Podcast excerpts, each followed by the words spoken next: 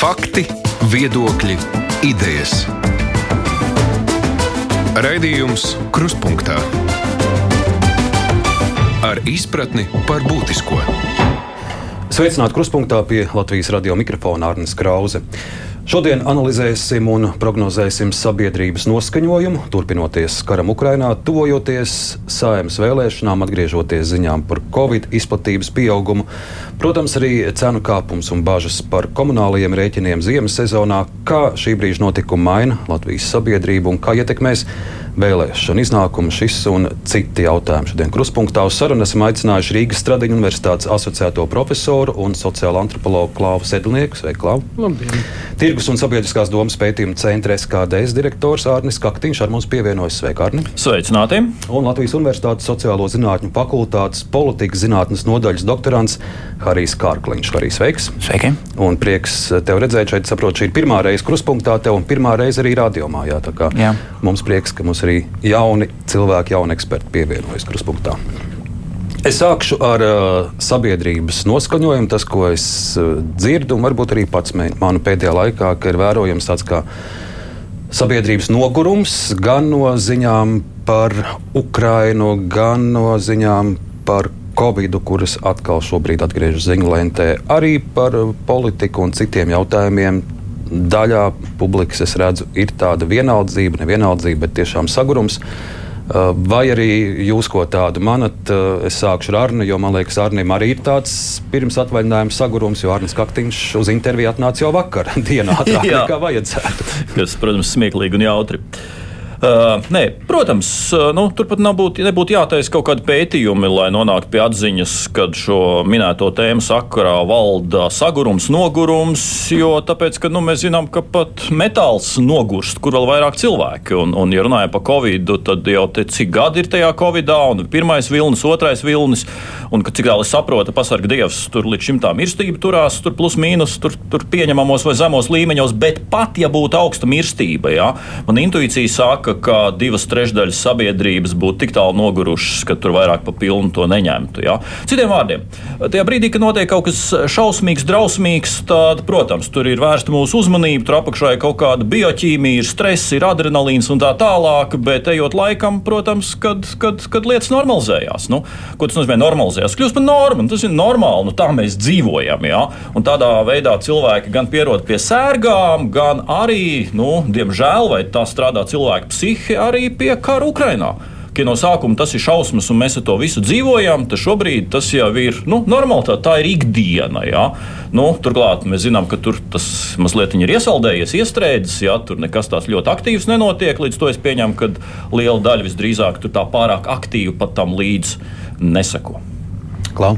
Uh, jā, es, es droši vien piekrītu. Es tikai domāju, ka mums uh, ir jāskatās, kādus vārdus mēs lietojam un kā mēs to saucam. Ja? To var saukt par nogurumu, un tas izklausās tā, ka nu, uh, mēs jau te baigi strādājām, ja? un, un, un visu pievērsām uzmanību, sev esam izdarījuši, nu, cik tā var. Bet mēs to varam saukt arī par apnikumu. Ja? Un tas vēl līdzi mazliet citu, ja? vai, vai arī tādu vai pieradumu. Ja, jo tad um, kaut kādām lietām tiešām mēs pier, pie, pie tām pierodam, un tas ir, tas ir pareizi, un tā arī vajadzētu būt. Ja. Uh, savukārt, ja runa ir par apnikumu, ja, un, un to mēs redzam ziņās, protams, tas ir svarīgi. Kaut kādu laiku šīs lietas parādās ziņu pirmajās, pirmajās lapusēs, ja, un pēc tam cilvēkiem tiešām tās ziņas apnīk. Viņi jau grib kaut ko citu, nevis to pašu atkal. Ja, un tad arī ziņu redaktori liek jau kaut kādas citas ziņas, un, un par vecajām vairs nerakst. Jo cik tad var? Nu jā, tā metode, redz, lai tas neapniktu, ir tas, ka tā lieta tai jāeskalē visu laiku. Jā. Citiem vārdiem, tur katru dienu, katru otro dienu jānāk kaut kas vēl briesmīgāk, ir vēl jaunāk, ir vēl jaunāk. Un mēs bieži redzam, ka tādā veidā tas arī tiek eh, režisēts, ja var teikt, un tādā veidā tiek pasniegts. Bet neviena no šīm spirālēm nav iespējams būvēt līdz bezgalībai. Agrāk vai vēlāk arī visas šīs spirāles sagāžās. Bet nu, arī man, piemēram, kā ziņu lasītājam, nu, man arī, godīgi teikšu, vienā brīdī apnika lasīt uh, ik vakaru šo covid statistiku, un es teikšu, tas, protams, nav nekas patīkams, ka tev jālasa nevien ir inficēto skaits, bet arī mirušo skaits smagi slimos slimnīcās, un tu zini, ka šo vēsti dzird arī kāds, kur kādam ir tuvinieks aizgājis un tā tālāk. Bet šobrīd, kad atkal pēdējā diennaktī ir vairāk nekā 2000 uh, inficēto gadījumu, nu, nevar neziņot par to, nevar izlikties, ka nekā tāda nav. Arī Jā, man šķiet, ka salīdzinot šīs divas lietas, uh, Ukraiņas situācija un Covid, ļoti labi parādās šī vārda atšķirība, ka Covid gadījumā tas varētu būt tiešām jau tāds apnikums, ka cilvēkiem ir apnicis lasīt to visu statistiku, kamēr Ukraiņas gadījumā tas tiešām ir drīzāk pieredums. Mēs esam pieraduši pie šīs situācijas, kas ir reģionā. Nu, par Covid arī turpināsim. Eksperti saka, ka aptuveni par uh, mēnesi ātrāk nekā speciālists prognozēja, Covid savu atvaļinājumu Latvijā ir beidzis un ir atgriezies. Uh, kā šī Covid lieta varētu ietekmēt uh, Latvijas politiku saimu, jo mēs redzējām, ka pavasarī līdz Ukraiņas notikumiem bija daļa politisko spēku, kur tieši Covid izmantoja kā savu karogu. Burtiski vienas dienas laikā, 24. februārī, vairākām partijām šis Covid stāsts beidzās un bija tāds apmulsums, ko tagad teikt, ko tagad runāt. Un, uh, tagad Covid atgriežas. Skaidrs, ka būs kaut kādā veidā, ja tā infekcija pieaugs, jārēģē tiem politiķiem, kas ir šobrīd uh, pie varas. Bet atkal, vai viņi gribēs teiksim, sev blakus redzēt infektuologu Perevaščikovu, kurš, protams, nāk vienmēr ar sliktām ziņām. Un šis stāsts arī. Nu, situācija uh, iezīmējāt tiešām ļoti, ļoti interesanti. Jo tiešām, ja mēs skatāmies objektīvo statistiku, tad, tad, tad vajadzētu kaut kādā brīdī sākt piegriezt kaut kādu vienu vai otru skrūvi. Bet no otras puses, tiešām ir vēlēšanas. Nu, tas, ko mēs zinājām no tām aptaujām, kas jau pirms kaut kāda laika bija veiktas, kad nu, lie, nu, tā daļa, kas uh, nu, tur bija, nu, nezinu, vai tas ir korekti teikt, tādi Covid fani vai ne, kur tur tā ļoti sekoja līdzi un to visu ņēma ļoti, ļoti nopietni. Tā nebija lielākā sabiedrība sabiedrības daļa. Jā, lielākā daļa pakļāvās, jā, bet viņi pakļāvās tāpēc, ka viņus piespieda varu. Ja nebūtu viņu spiesta varu, viņi nebūtu īsti pakļaujušies. Un vairāk vai mazāk man šķiet, pie varas esošie to tā apzinās, ka, ja viņi sāks piegriezt skrūves, tad viņi iedos uh, tēmu, ļoti labu tēmu. Nu, opozīcijai, tiem, kas viņus grib nobīdīt no varas, kas man vedina domāt, ka tā racionāli, ja, ka nu, maz ticams, ka līdz vēlēšanām ļoti nopietni varētu tikt piegrieztas skrūves. Varbūt kaut kur kaut kas sīki, ja, bet ne tā, lai parādītos tribīne tiem, kuri eksploatē šīs tēmas. Bet nu, dzīvosim, redzēsim, skatīsimies. Jo no otras puses, arī tas, kas ļoti svarīgi, ja, kad tajā Covid jautājumā jau sabiedrība patiesībā ļoti sašķelta. Tas jau nav tā, ka tur visi vai absolūts, absolūts vairākums vienā pozīcijā. Nē, bija tādi, kuri pretojās uh, vakcinācijai. Tur tik galēji, kad pat bija gatavi upurēt savu karjeru, darba vietas un tā tālāk. Un otrs puses tas tomēr bija vērā ņemams procents, jā, kur teica, nē, tā sērga ir īsta un vajag vakcinēties, un vajag revakcinēties, un vajag ievērot visus ierobežojumus. Un patiesībā ierobežojumiem jābūt vēl trīsreiz stingrākiem nekā viņi bija. Un, ja mēs skatāmies no tāda elektorāta perspektīvas, jā, tad teiksim, arī tie pēdējie viņi ir gana daudz, ja eksploatē tikai šo tēmu, tur var, var dabūt parlamentā ļoti labu pārstāvniecību. Covid uh, stāsts pirmsvēlēšana debatēs arī atgriezīsies? Nu, tas atkarīgs no tā, vai jūs uzdosiet jautājumus, jo galu galā priekšvēlēšana debatas jau lielā mērā diriģēs masu mēdī. Es domāju, ka atgriezīsies. Nu, vismaz, ja tā statistika ir tāda, kāda ir šobrīd, es nespēju iedomāties, ka jums nebūtu kārdinājums paprovocēt uh, politiķus, ko viņi domā Covid jautājumā. Arī. Uh Covid neatgriezīsies tādā līmenī, kā ir bijis iepriekš, viņš pat pazudīs, tagad viņš tik un tā parādītos jautājumā pie uh, saimnes vēlēšanu debatēm. Tā ir sāpe, kas ir raksturojusi šo saimu, divi gadi tomēr bija un, un, un, un, un daudz pieņemtie lēmumi.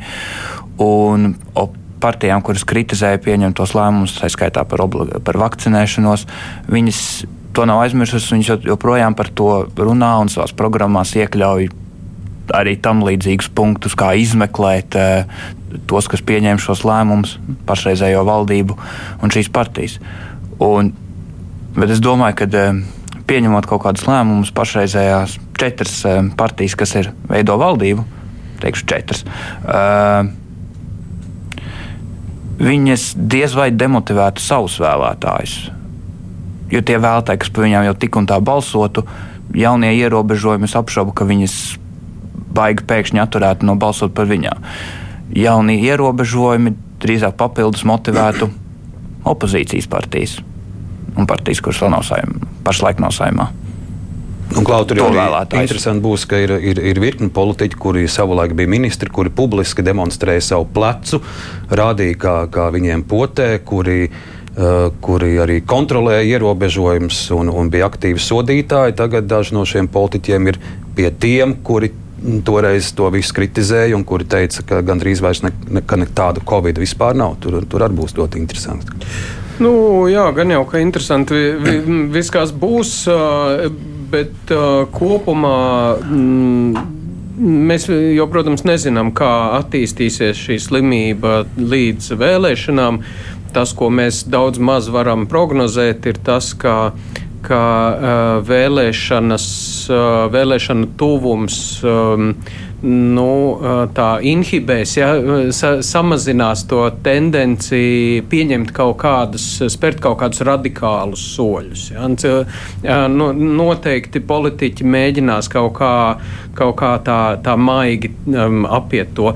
Lai gan, protams, no arī iepriekšējiem uh, viļņiem mēs redzējām, ka cilvēki nosoda politiķus gan par to, ka viņi pārāk strauji uh, kaut kādus uh, ierobežojumus ievieš, gan otrādi, ka viņi pārāk lēni tos ievieš. Uh, tā kā šajā ziņā uh, nu, tur gan vienā, gan otrā pusē uh, politiķi var, uh, var iešaut sev kājā. Tie piemēri no vēstures liecina, ka sabiedrība bieži vien uh, šos krīžu menedžerus uh, Tad, kad tā krīze ir kaut kādā veidā pārvarēta, vai nu nenovērtē, vai, vai nosoda, vai nonicina, kā izskatās ārne, kā varētu būt šoreiz ar tiem politiķiem, kuri šo Covid krīzi vadīja. Droši vien tad jāmin te gan premjeras, gan, gan veselības ministrs un, un citi. Nu, grūti pateikt, un, un, un, un, un, un lielā mērā dēļ tā, ka visa tas Covid stāsts jau nav beidzies. Ja viņš būtu beidzies, tad apmēram mēs varētu mēģināt saprast, nu, kas tad ir tas iznākums un attiecībā uz to iznākumu jau mēs varam novērtēt, vai tie lēmumi bija pareizi, vai, vai, vai, vai tie bija tie īst, īstie krīžu menedžeri, vai tie tur tādi viltus pravieši. Ja? Līdz ar to es domāju, šobrīd par to ir pāragri spriest ja būtu tā, ka tas Covid būtu beidzies, jā, tad gan mums būtu korekta iespēja retrospektīvā uz visu skatīties. Taču tas, kas šeit jāņem vērā, un tas ir ļoti, ļoti svarīgi, jā, ka patiesībā jau nebija stāsts tikai un vienīgi šauri par epidemioloģisko krīzi un kā mēs risinām epidemioloģiskos eh, jautājumus. Jā. Mēs varbūt pirmajā fāzē vairāk to koncentrējāmies, jo tāpēc, tas bija saistīts kaut kā ar nāvi. Mēs visi personīgi baili, baidamies no nāves, un tāpēc tas mūsu fokus ir tieši uz šo epidemioloģisko aspektu. Bet tur jau fonā bija otra vēl būtiskāka drāma, un tas bija ekonomiskā krīze, visi šie ierobežojumi un visi šie jautājumi. Un uh, tas uzreiz visu šo uh, Covid sāgu padara ļoti, ļoti sarežģītu. Ja, jo patiesībā tur ir daudzi būtiski aspekti, kur epidemioloģiskais aspekts ir tikai viens no daudziem. Par šo sabiedrības sagurumu, nogurumu turpinot, vai tas var izpausties arī saimnes uh, vēlēšana aktivitātē 1. oktobrī? Nu, atgādināšu, uh, Eh, pašvaldību vēlēšanās eh, balsotāja aktivitāte bija 34%, 13. saimnes vēlēšanās 54%. Nu, ja paskatās vēl dažus latgāles novadus, eh, iepriekšējā saimā, piemēram, Ciblas novadā devās balsot tikai 35% no balstiesīgajiem. Nu, ja tā tendence turpināsies, vēl par domāt, kāda aktivitāte būs tagad 14. saimā. Jūsu, jūsu paredzējums par par vēlētāju aktivitāti, vēlētāju mobilizēšanos 1. oktobrī. Arnēs jau ir izvilcis ja, nu, jau savu pētījumu. Spīkeri te gredām uz galdies ir, ir, ir, ir salikti. Uh, nu, grūti man pateikt, nezinu, es, es, kas notiks tajā datumā. Tas, ko mēs zinām, mēs zinām ļoti. Tu pieļauj, ka varbūt arī zem 50% aktivitāte? Es neizslēdzu. Katrā gadījumā ir priekšnosacījumi. Ir, ir ļoti daudz priekšnosacījumu tam, lai šī aktivitāte būtu drīzāk zema. Un ir ļoti maz priekšnosacījumu, kas viņu var padarīt par augstu. Jā, un kaut vai tas svarīgākais ir skatāmies, kas un kā ir vēsturiski, kā tas viss izskatās dinamikā. Jā, un no šī skatu punkta tās pēdējās vēlēšanas saka, ka tā interese nav bijusi pārāk liela. Ja es tagad atšķīru vaļā pēdējos aptaujas datus, un tas ir no jūnija, mums tikai apmēram 34% teica, ka viņi noteikti ies un piedalīsies. Plus apmēram katrs trešais teica, ka vairāk ticams, ka iešu un piedalīšos. Ja? Nu, Nu, visdrīzāk no tiem, kas saka, vairāk ticams, daļa aizies, daļa neaizies, kādās proporcijās aizies. Šobrīd to ir neiespējami pateikt. Kaut vai tāpēc, ka viens svarīgs faktors, kas dienas beigās nosaka šo aktivitāti, tas ir vēlēšana kampaņa. Respektīvi, cik liela tiek iebērta nauda, kādi ir resursi, ko un kā tur dara partijas, un, un, un par ko ir debates, un cik augstā mērā, nu, liekot pēdiņos, jā, pirms tam vēlēšanām tiek sacelta histērija, nu, ja neuzvarēs tur tie labi labi, ja tad pilnīgi droši ļaunie paņems varu. Ja? Nu, te ir zinām tādas tehnoloģiski triki, ko politiķi labi zina. Ja? Un, ja no šī skatu punkta mēs skatāmies, tad nu, šobrīd kampaņa tā īsti nav sākusies, viņi kusla. Nu, turklāt, nu, man šķiet, arī tas šeit ir faktors, kas ir savstarpēji saistīts ar, ar, ar vēlēšanu aktivitāti. Nu, mēs zinām, ka pēdējo daudz desmit, pārdesmit gadu laikā politiķi jau sev saistībā ar kampaņošanu un iespējām kampaņot, jā, sev tik lielā mērā sasējuši rokas rokas un ir ierobežojuši sevi. Ja?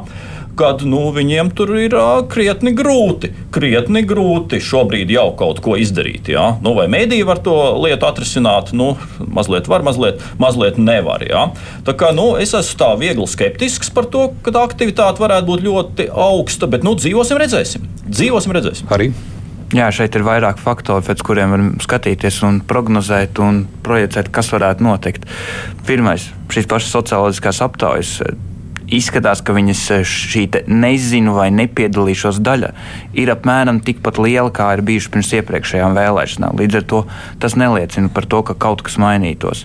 Uh, saistībā ar Ukrainu interesanti bija, ka 12. saimnes vēlēšanās 2014. gadā un Eiroparlamenta vēlēšanas 14. Eh, gada jūnijā. Tur bija arī vēsturiski zemākās aktivitātes, kas ir bijušas Latvijā, Eiroparlamenta un saimnes vēlēšanām. Līdz ar to vismaz toreiz tas nenostrādāja, kad dēļ konflikta Krievijas, Ukrainas, kad tas eh, vairāk eh, vēlētāji ietu. Saistībā ar tieši tiks pieņemti jauni ierobežojumi saistībā ar Covid. Tas gan var motivēt vairāk eh, cilvēku. Ja tiks, ja tiks pieņemti, tad tas varētu motivēt vairāk eh, tos, kuri ir, kuriem tas reāli apgrūtina dzīvi. Uh, un vēl, ja mēs varam paskatīties salīdzinājumu, kas noticis ar dažām citām valstīm, daži piemēri. ASV 20. gada prezidenta vēlēšanas gan bija gadījums, kurā tika uzstādīts līdzdalības rekords ļoti ilgā laikā. Un bet tā pašā laikā, piemēram, Ungārija, Vācija līdzdalība kopš eh, viņ, viņām bija šogad vēlēšanas, un viņi ir palikusi tāda pati. Teiksim, notikumi Ukrainā nav nekā ietekmējuši. Līdz ar to es atvainojos, ka iesprādzos. Nu, man šķiet, ka tas, kas izriet, ir tas lielais jautājums, par ko ir vēlēšanas, kas ir tēmas. Jā, vai tā lieta ir iegriezta tā, ka šis nu, šoreiz ir kaut kas absolūti eksistenciāls, jā, kā tas bija ASV gadījumā. Jā. Bet ņemam to Ungāriju, labi, mums no malas tur, tur, tur, tur šķiet, tur Orbāns, tur tā, tur šitā, viņiem tur vajadzētu gāzt, bet tas ir mūsu viedoklis. Jā. Acīm redzot, viņiem tur iekšienē jā, tas nebūtu tur tā nelikās un neizskatījās. Jo, ja tur iekšienē viņiem, viņiem tas būtu bijis tāds eksistenciāls jautājums, vai nu tie, vai nu šitie šitie. Ja? Tad būtu pavisam cits aktivitātes vēl, līmenis. Vēl divi piemēri. Francija šogad kritās līdzdalība, un viņai krītas eh, nu, pāris jau gadus prezidenta vēlēšanā, bet viņa ir diezgan cieši saistīta ar ar to, cik liela iespēja, ka viens vai otrs uzvarēs, cik, eh, cik izšķiroši ir. Un Slovenijā šogad bija ļoti liels pieaugums, pa 15%, no 57 līdz 72. Un tur bija stāsts tāds, ka tieši mainījās vara, tika nomests līdzšinējais vadītājs un jauns spēks nāca pie varas, jauns, eh, jauns līderis. Klau, kuri varētu būt tie temati, kur, kā Arnēs minēja, kas, kas varētu uzrunāt vēlētāju, viņam likt iet un, un, un doties balsot, un kur varētu būt tie notikumi, kas iekustinātu sabiedrību? Es nezinu, es tikai minu, varbūt viens no tādiem varētu būt arī šis stāsts par Uh, padomju okupāciju slavinošo pieminiektu demontāžu, cevišķi, ja tas sāksies Rīgā, ja tas notiks Daugopilī, daļu sabiedrības, piemēram, šāds moments varbūt var iekustināt un izrādīt savu attieksmi. Jā, es pieļauju, kāpēc gan ne, uh, lai gan kopumā ņemot bet, ja mēs skatāmies vispār tā, to tendenci, tad, tad jau tā tomēr arī ir tāda lejupslīdoša, un tā ir lejupslīdoša ne tik daudz tāpēc, ka ir kaut kādi aktuālie gadījumi, bet, bet arī kopumā tā cilvēku un daudzu cilvēku uzskats, ka, nu, nu, īstenībā nav vērts tur tajā visā tā, tā politika pati pa sevi tur kaut kā notiksies, ja, un tie politiķi paši ievēlēsies, un mums tur nu, nav, nav nekāda liela jēga iesaistīties. Protams, ja pacelsies kaut kāda, mm, bet tas jautājums ir, vai, vai tiešām var, var pacelties, un vai, vai arī tas, tas, tas pieminekļu jautājums ir tik daudziem, tik ļoti aktuāls. Ja? Ir nu, daļa cilvēku. Pašiem šķiet pieminiektu stāsts. Es, nu, es teikšu tā, aktuāls. viņu var uztaisīt. Tas jau ir tā teikt, pēdiņās liekot polittehnoloģiju nu, jautājums. Jā, tā jā. potenciālitāte ši, uz šīs tēmas te riktīgi iegriezt mums. Tas ir kaut kas līdzīgs valoda referendumam īstenībā. Atcerēsimies toreiz to kontekstu. Mēs redzam, Daugopilī Andrejs absolūt... Elksniņš jau sāk iegriezt. Jā, viņš ir absolūti emocionāli lādēts, kur latvieši gāja lielā skaitā tur savu valodu, jo, ja nebal, nenobalsos pareizi, tad to valodu mums te atņem atņems, ja, kas īstenībā jau gluži tur tā nebija no vis tā konteksta. Ja. Citiem vārdiem, viņš ir, tur ir potenciālitāte to visu lietu emocionāli iegriezt tā, ka tas tiešām var pacelt diezgan būtiski aktivitātes līmeni. Jautājums, protams, ir, nu, cik tas mums visiem būtu labi un produktīvi, un dienas beigās vai tam augstam aktivitātes līmenim ir jābūt vienīgam pašmērķim, un tā teikt, vienalga, tur, kas pēc tam notiek, ja tur lūst vai plīst vai plūdi, galvenais, lai augsts aktivitātes līmenis. Es personīgi tā nedomāju domāju. Nu jā, es, es tomēr domāju, nu, eh, protams, ka simboliskie jautājumi ir, ir tādi, kuri, kuri var eh, labi, nu, var labi, ar kuriem var labi strādāt, attiecīgi cilvēki. Ja? Bet, eh, bet vai šajā gadījumā tas, tas ir nu, tik spēcīgs simbols? Ja? Galu galā. Nu, man šķiet, tomēr mēs, mēs nevaram salīdzināt ar valodas uh, nozīmi šajā simboliskajā līmenī. Arī kā tu redzi, cik šis pieminiektu augšanas stāsts ir šobrīd būtisks sabiedrībai, var, var būt būtisks, jo nu, šobrīd izskatās, ka uz tieši uz to vēlēšanu laiku eh, daļa no šiem objektiem būs eh, vai nu tikko kā demontēta, vai tūlīt, tūlīt viņas demontēs. Atklāti sakot, esmu skeptisks, kas, ka tas palielinātu vēlētāju aktivitāti par dažiem, pro, vairāk kā daži procentu punkti. Ne, kam arī ir nozīme, bet uh, tas, ne, tas nebūs divciparu skaitlis. Kas, protams, mēs jau nevaram dzīvot, mēs jau nedzīvojam paralēlā visumā, kur mēs varēsim tā smuki nomērīt, cik būtu bijusi aktivitāte, ja mēs šo vai to lietu darītu vai nedarētu. nedarīt, bet mm, tas pats uh, Covid, uh, Ukraina un inflācija, tas sniegs lielāku ar tavu. Mm -hmm. Un kas, kas tur varētu nākt pie, pie varas, varbūt arī tas varētu ietekmēt, jā, jo no vienas puses būs, protams, cietumnieks Vēnspilī, jā, un jau daļai notiesātais. No, no otras puses būs viens otrs nu, šlesers, jā, un, un, un kaut kādi populisti, kuri, kuri varētu tikt uztverti par, par draudiem, bet no otras puses pagaidām mēs redzam, nu, ka tie jau ir vecie draudi. Ja? Šleseru jau mēs esam pieredzējuši, ja? zinām, ko viņš dara. Arī Lembergs uh, ir, ir veca zupa, ja? kura tiek vārīta vēl joprojām. Nezinu, kāpēc viņi joprojām viņu silda. Uh, nu, neviens tāds, tāds jauns apdraudējums, ja tā kā Trumpa gadījumā uh, Amerikā, ja? nu, īsti nav, nav parādījies. Līdz ar to tās, tās likmes uh, diezin vai nu, pagaidām neizskatās, ka, ka varētu būt ļoti augstas. Nu, tur var, arī Lembergu, Šleseru, lai, lai mums ir tas balans. Mm. Nu, Citi atkal teiks, bet uh, mūs apdraud Kariņa režīms. Nu, jā, jā, protams, protams bet, bet arī Kariņš ir jau pazīstams. Ja? Nu, kā, uh, kaut kādā ziņā cilvēki viņus uh, varēs izspēlēt un teikt, ārprāts iedomājieties, tur būs joprojām Kariņa, Kariņa Levita, Levita režīms, režīms ja? un, un, un tie otri teiks, jā, bet iedomājieties, kas notiks, ja, ja, ja cietumnieks Levits. Lembergs mūs vadīs, ja, um, un, un, un tā tālāk. Bet, uh, bet tie visi ir pie, pazīstami jau tēli. Vai Pīlēnu var uzskatīt par jaunu nu, draudu mm. konkurentiem? Ja, nu, skatoties uz visiem, jaunu seju tā ir, jā, jā, bet es nedomāju, ka viņš ir tāds polarizējošs. Nu, turklāt viņš ir šaurās aprindās plaši pazīstams. Labi, Jā. tagad, kā viņš ir piestartējis, tad lūk, arī šajā studijā viņš tiek pieminēts, jo vairāk viņi piemin, jo vairāk cilvēki sadzird, un ā, tur ir tāds pīlēns. Ja? Bet te ir svarīgi nepārvērtēt šī cilvēka vilkmi, iespējas, vismaz tādas, kādas ir līdz šim, piesaistīt lielu elektorātu masu. Nu, Arnēs teica, ka pagaidām tā vēlēšana kampaņa vēl tāda kusla ir, bet mēs redzam, ka nu, jau gandrīz vai katru dienu kāds jauns politiskais spēks nāk uz Centrālo vēlēšanu komisiju, iesniedz sarakstus. Šodien ir uh, divas partijas, kuras arī ir progresīvie un, un apvienotais saraksts publiskojuši, kādi būs viņu līderi un, un premjera amata kandidāti. Uh, par tiem, kas šobrīd jau ir uh, savas izvēles izdarījuši, ko mēs redzam un, un ko mēs varam nokomentēt. Uh, nu, saskaņa ar, ar Maiju Briedi, tātad Ulris Pīlēns šodien prezentēts kā premjeras kandidāts šim jaunajam apvienotiem sarakstam. Aivars Lembergs, zaļo zemnieku premjeras kandidāts. Kas ir tas, ko mēs pagaidām redzam? Arne? Nu, redzam, ka ir kampaņas, kampaņas zobrati lēnām sāk griezties. Nu, es domāju, ka līdz vēlēšanu dienai viņi griezīsies ar vien straujāk, straujāk, straujāk. Vismaz priekš manīm, vismaz es varbūt fokusētu jautājumu uz to, ko es, ko es gribēju vaicāt, ka, kas ir, ko mēs redzam no, no tiem cilvēkiem, kas ir iekļauti šajos kandidātu sarakstos.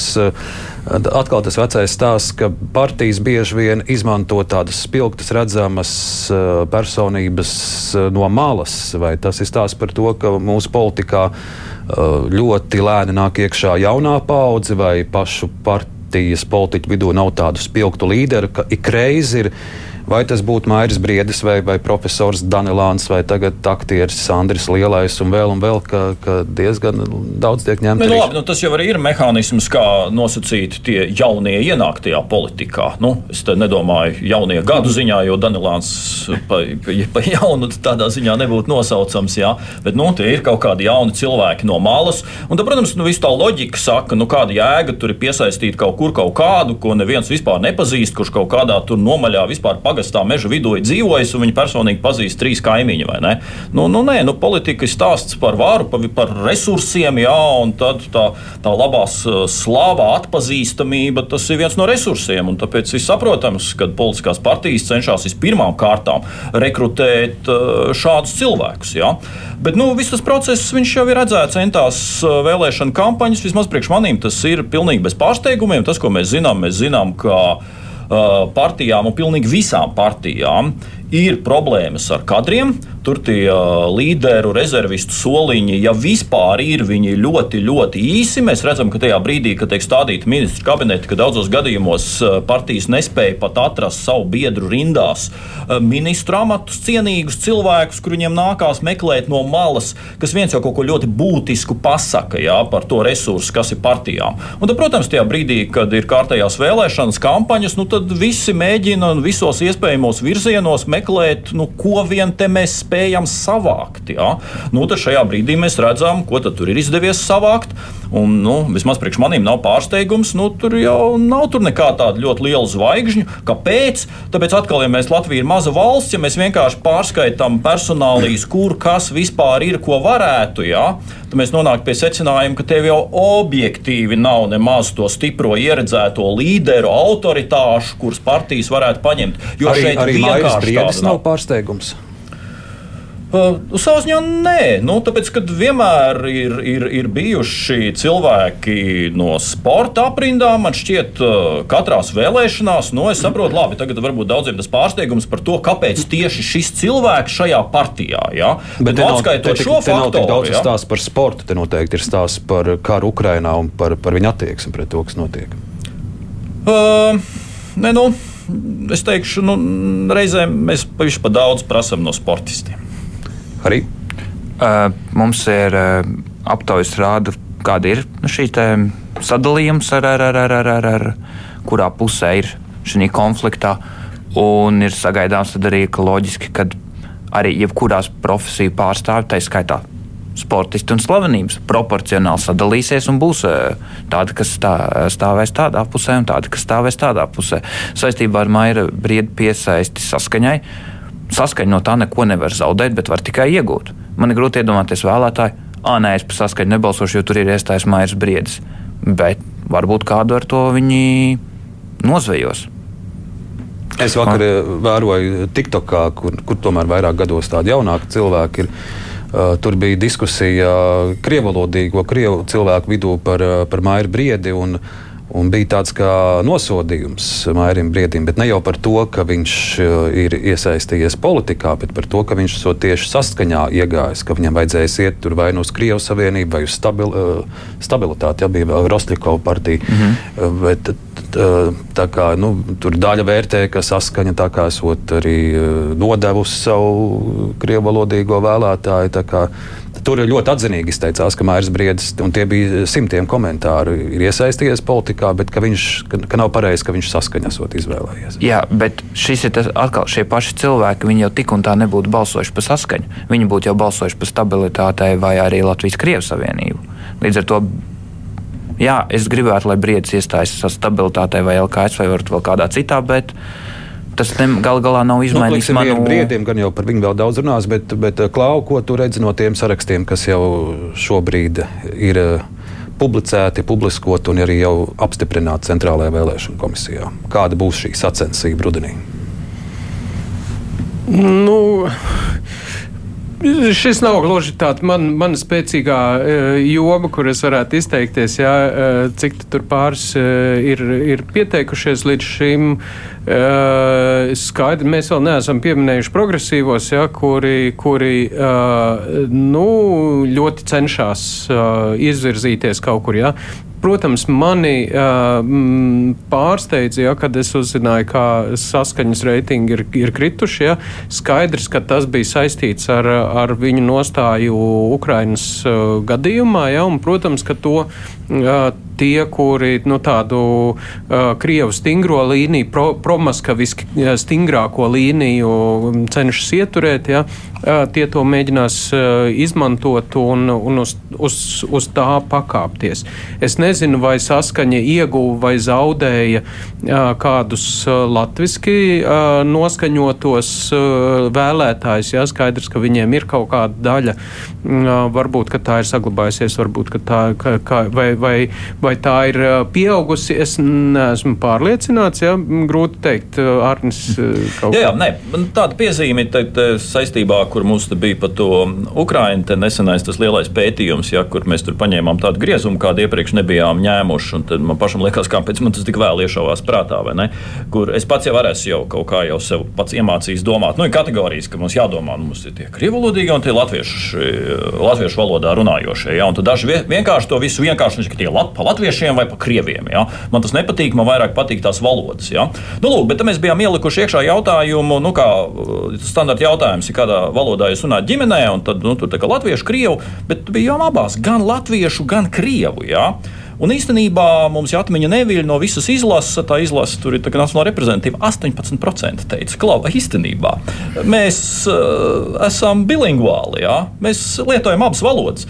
Un te mēs zinām to, ko saka statistika, cik daudz mums jauktās ģimenes un tā tālāk un tā joprojām. Ja? Citiem vārdiem tā kategorija visa tā stingri dalīta, ja? ka tas tā teikt ir pa latviešu runājošiem un tas pa krievisku runājošiem. Viņi ir maldīgi, viņi nav precīzi. Ja? Patiesībā Latvijā ļoti daudz cilvēku cilvēku, jā, kuri paralēli dzīvo abās pasaulēs, jā, kuri pat abas valodas vienlaicīgi savā ģimenē lieto.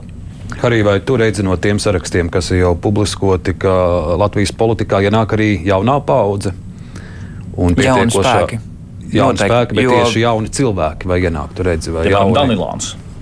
Nu, jā, jo jauns spēks nu, nozīmē jaunu cilvēku. Viņš garā ir ļoti jauns. Paskat, kā viņš fiziski aktīvs ar kājām joprojām staigā uz darbu. Tā viņš, tādā ziņā viņš arī ir jauns. Bet... Es paskait, paskaitot, man sanāk pat 12 vai 13 saraksti, kuri pie attiecīgiem scenārijiem var pārvarēt 5% barjeru.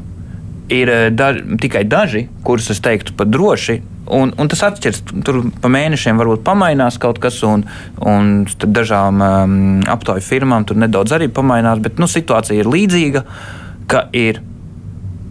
Jā, ir jau e, vienotība, Nacionāla apvienība, konservatīvie, attīstībai pāri, saskaņa ZZS, kas ir iekšā, kas jau ir esošs spēki. Bet, okay, Latvija pirmajā vietā būtu atgriešanās no kaut kā, bet tad Latvijas-Krievijas Savienība arī jau ir esošs, tas ir astoņi, un tad ir progresīvie.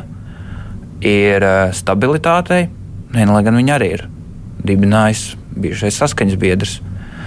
Tā, kas mums vēl ir? La, apvienotais saraksts. Bet Katrs jauni un cilvēki, tu redzi, ka nu, vispār cik jauniem cilvēkiem, nu, kā tu man ir, ir interese par, par darbošanos politikā arī. Vai arī varbūt tie vecie nelaiž jaunos klāt. Kā dažās partijās tas Es ir. teikšu tā, man šķiet, ka būs līdzīgi kā ir, ir iepriekš bijis. Tā pauda, es neredzu kaut kādus priekšnosacījumus, lai pēkšņi būtu kaut kāda lielāka nomaiņa, kaut kā nu, proporcionāli.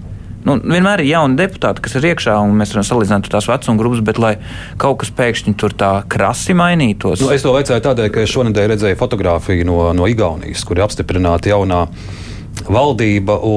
Tā bilde pati par sevi parādīja Igaunijā politikas pauģu nomaiņu. Kas, Mums arī kas ir ministrs jaunie Plešs. ministri? Jā. Mums ir ministrs Plešs. Bet Bet, būtu, jā. izska- izskatās, eh, ka nu, šajā jauno cilvēku frontē tur, tur laikam eh, progresīvie ir. tā Kā, nu, es neesmu uztaisījis uh, aprēķinus par viņu vidējo mm, vecumu, um, viņu sarakstu, bet uh, izskatās, ka nu, no, no, no tā, kas ir publiski redzams, iespējams, ka tā ir tā vieta, kur tie jaunie cilvēki vairāk koncentrējas pašlaik.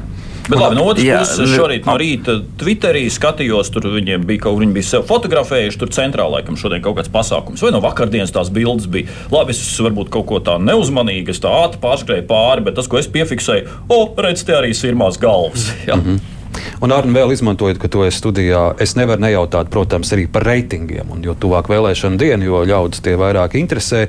Uh, Es saprotu, SKDS, uh, vismaz tie pēdējie publiskie, kas ir tie ir uh, jūlijas sākumā bijuši, un pirms nedēļas arī Nē, mums bija jūnijas. uh, Tas mērījums bija nu, viens, kad ir publicēts, bet otrs, kad ir mērīts. Jā. Tas mērījums bija pirms Līgo svētkiem. Tas ir jūnija. Un, un jaunāk jums nav pagaidām. Ja? Nē, Nav. nē, nē. Un otrs ir jūsu konkurenta faktums. Pirms nedēļas arī publisko ir lietas, kas tur sakrīt, ir lietas, kas atšķiras. Es nezinu, vai sociologiem līdzīgi kā, kā prezidentiem bijušajiem, ka viņi eh, tā taktiski nekomentē viens, viens otru darbības, vai sociologi komentē, bet ir lietas, kas jums ar faktumu, piemēram, atšķiras. eh, Nu, Jūs... Ļoti labi tas ir. Nu, katrs var atrast, kas viņam labāk patīk. Tā teikt, no, aiz- izejot no tā, tā teikt, saprast, ka ot, tie ir īstie, jo tāpēc, ka tur rāda to, ko es tur gribu Bet To, redzēt. ko un mēs redzam, neīstie. eh, bet ir labi, ka var salīdzināt, un to, Protams. mēs redzam, ka teikšu, jo vairāk, abās, aptaujās, abās aptaujās pirmajā vietā ir jaunā vienotība, faktum pat ar 20%. Tālāk ir tā secība jums diezgan līdzīga, bet eh, jaunākajā faktuma aptaujā mēs redzam, ka Šlesera saraksts Latvija pirmajā vietā.